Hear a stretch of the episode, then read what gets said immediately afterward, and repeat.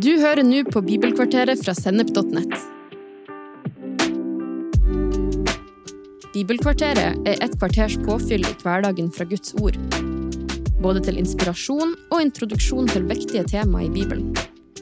Du vil også finne mer stoff på Sennep.nett som gir deg inspirasjon til å følge Jesus i hverdagen. Følg oss på Facebook og Instagram, og abonner på våre podkaster i den podkastappen som du bruker. Jeg skjønner ikke Det gamle testamentet. Trenger jeg som en kristen å lese Gamletestamentet når vi har Det nye testamentet? Du har kanskje møtt lignende tanker og spørsmål. Jeg skal prøve å gi deg en liten smak av hvorfor Gamletestamentet ikke bare er viktig, men spennende og helt avgjørende for vår kristne tro.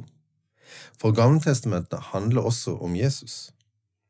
Salme 119, vers 160 sier, Summen av ditt ord er sannhet. Dine rettferdige lover varer evig. Summen av alle Bibelens bøker er Guds ord. Det betyr ikke at det er noen deler av Bibelen som ikke er Guds ord. Alle tall i et regnestykke er fullverdige tall, ikke bare de som utgjør svaret. På samme måte er alle skriftene i Bibelen Guds ord til oss. Og fascinerende nok har de alle ett stort fellestrekk. De handler om å peke mot Jesus Kristus. Ikke bare anerkjente Jesus Gamletestamentet som Guds ord, men han understreker mange ganger at alt som der er skrevet, har sin endelige oppfyllelse i han sjøl.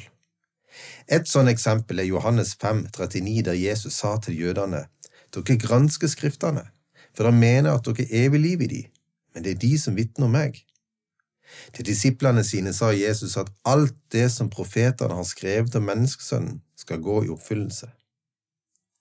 Hva var det som gjorde at jøder som var oppvokst med Det gamle testamentet, valgte å følge Jesus? Vi kan la Johannes forklare det for oss i en gjengivelse av samtalen mellom to av de. Vi leser Johannes 1,45, der Johannes skriver at Philip traff Nathanael og sa til ham, Vi har funnet ham som Moses har skrevet om i loven, og som også profetene har skrevet om. Det er Jesus fra Nasaret, Josefs sønn. Disse mennene som var vokst opp med Guds løfter fra Det gamle testamentet om en kommende Messias, gjenkjente og kom til tro på at Jesus er Skriftenes oppfyllelse. I Lukas 24 gjør Jesus det helt tydelig at hans komme som verdens frelser og herre er klart formidla gjennom Gamle testamentet. Under en samtale med Kleopas og en annen disippel som var på vei til Emmaus, begynte Jesus å utlegge for dem det som står om han i alle skriftene, helt fra Moses av og hos alle profetene. Senere så viste Jesus seg for alle, seg for alle disiplene mens de var samla i Jerusalem, hvor han sa det var dette jeg talte om da jeg ennå var sammen med dere, og sa at alt måtte oppfylles som står skrevet i Moseloven, hos profetene og i salmene. Disiplene starta med å forstå Jesus ut fra skriftene i Gamletestamentet. Etter ei tid så forsto de skriftene ut fra Jesus. Det fikk betydning for hvordan de første kristne forkynte evangeliet. Hvilke skriftsteder bruker du når du skal dele evangeliet med en person? Kanskje bruker du det vi kaller for Romerveien eller Peterspakken. For ikke glemme Johannes 3,16, som vi gjerne kaller for Den lille bibel. Alt sammen er gode måter å presentere evangeliet om Jesus Kristus på, men det er i dag. Hva hvis du var en kristen som levde i de første 50 årene etter Jesu himmelfart? Hvordan ville du delt evangeliet da? Du ville, og ja, du måtte ha brukt Gammeltestamentet, i tillegg til de øyevitneskildringene til de som hadde møtt Jesus personlig. I apostlenes gjerninger får vi noen eksempler på hvordan de første kristne forkynte evangeliet.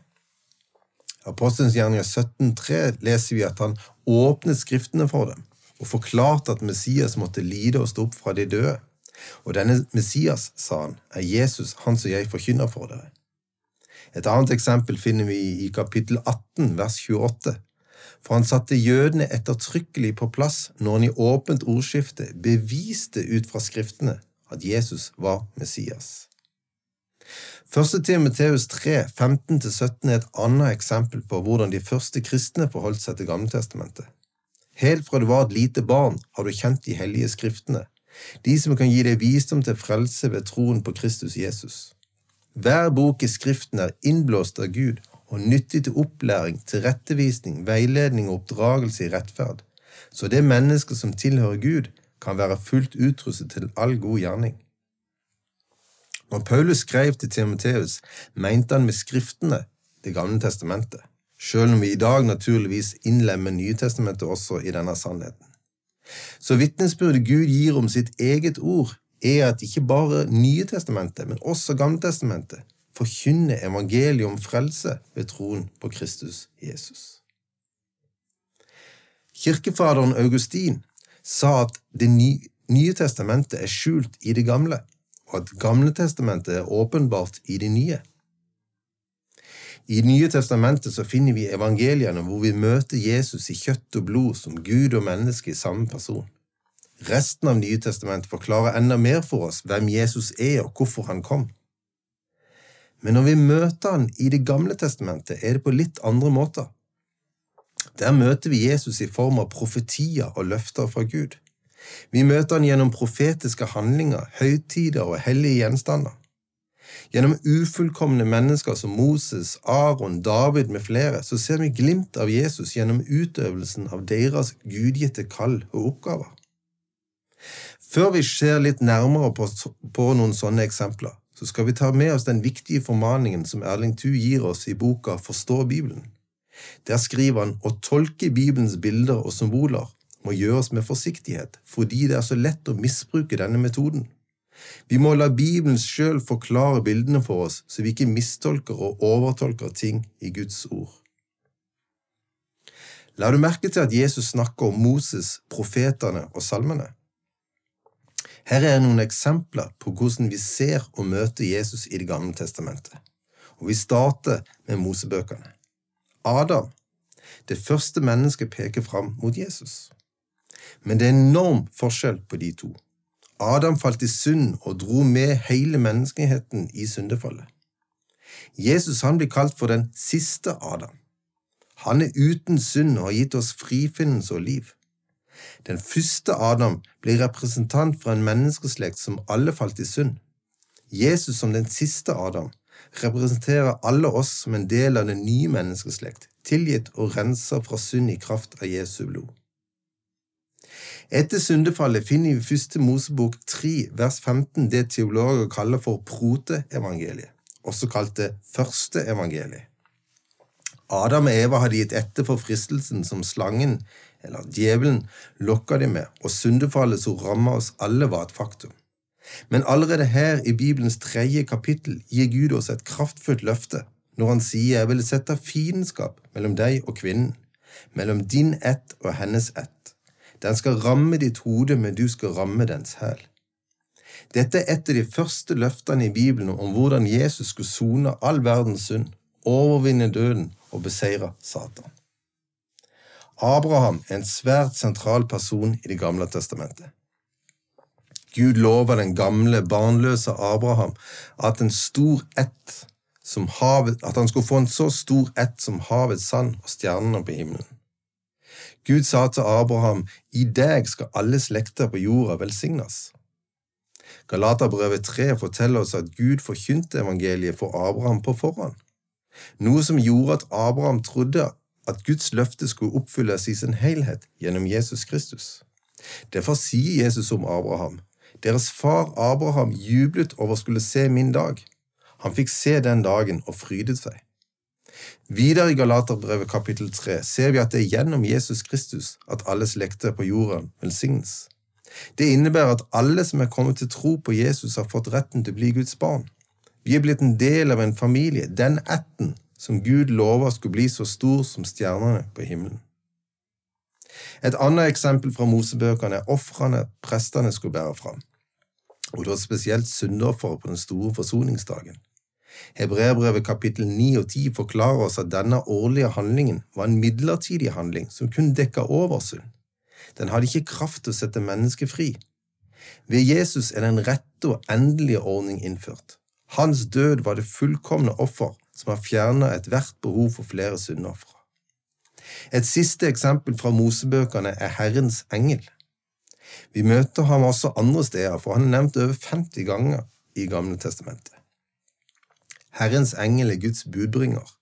men han skiller seg helt fra de skapte englene som vi møter i Guds ord. Mange bibellærere og teologer mener at Herrens engel er ingen ringere enn Guds egen sønn, som glimtvis åpenbarer seg i Gammeltestamentet. Vi ser det blant annet fordi at han som kalles Herrens engel, blir anerkjent som Gud og mottar tilbedelse. La oss ta noen eksempler fra profetene. Jesus sier om profetene at de ønsker å se og høre det vi har fått sett og høre, men de fikk ikke det i sin levetid. Men de formidler likevel sannheten om at Guds Messias, altså Kristus, skulle komme som verdens frelser og gjenopprette alle ting. En av de kanskje mest kjente profetene er Jesaja.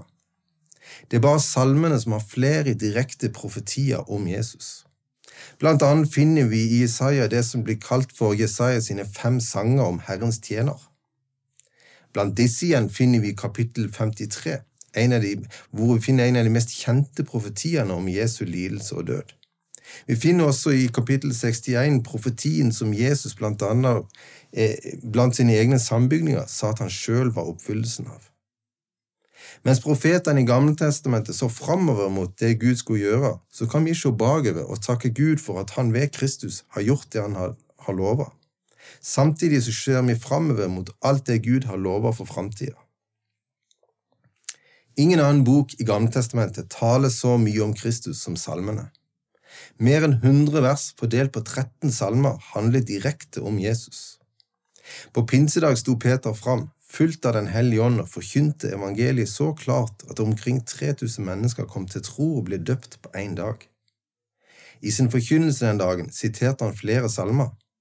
Ut fra Salme 16 viste han at Gud på forhånd hadde lovet at Kristus skulle stå opp fra de døde. Ut fra Salme 110 viste han at Kristus har Gud gjort til både Herre og Messias. Når vi snakker om salmene, så må vi ta med kong David. Han er også en som i Gamletestamentet peker fram mot Jesus. Gud gjorde en pakt med David om at det alltid skulle sitte en konge fra Davids slekt på kongestolen. Det var et profetisk løfte som pekte fram mot noe langt større enn kongedømme for en nasjon. Løftet var knytta til å styre Guds hus og være konge i Guds rike. Jesus som ble født inn i Davids slekt, oppfyller dette løftet. Det er Kristus som satt og styrer Guds hus, og som troner som kongenes konge og herrenes herre. Er du klar for å starte et nytt og forfriska forhold til Gammeltestamentet? Kunne du tenke deg å dra på en oppdagelsesreise i Gammeltestamentet på leiting etter Jesus? Be da Den hellige ånd om å være din veileder. La han gjøre Jesus synlig for deg gjennom Gammeltestamentet så vel som Nytestamentet. Lykke til! Du står overfor en spennende reise.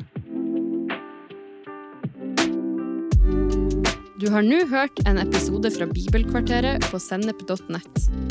Du vil også finne mer stoff på sennep.nett som gir deg inspirasjon til å følge Jesus i hverdagen. Innholdet på Sennep er gratis og tilgjengelig for alle, takket være økonomisk støtte fra kristent nettverk, menigheter og enkeltpersoner. Du kan også hjelpe oss ved å be for oss, dele innholdet vårt med venner og bekjente, rate podkastene i den podkastappen du bruker, eller ved å gi en gave på VIPS.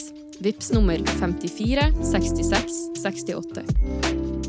Takk for at du lytta til sennep.nett.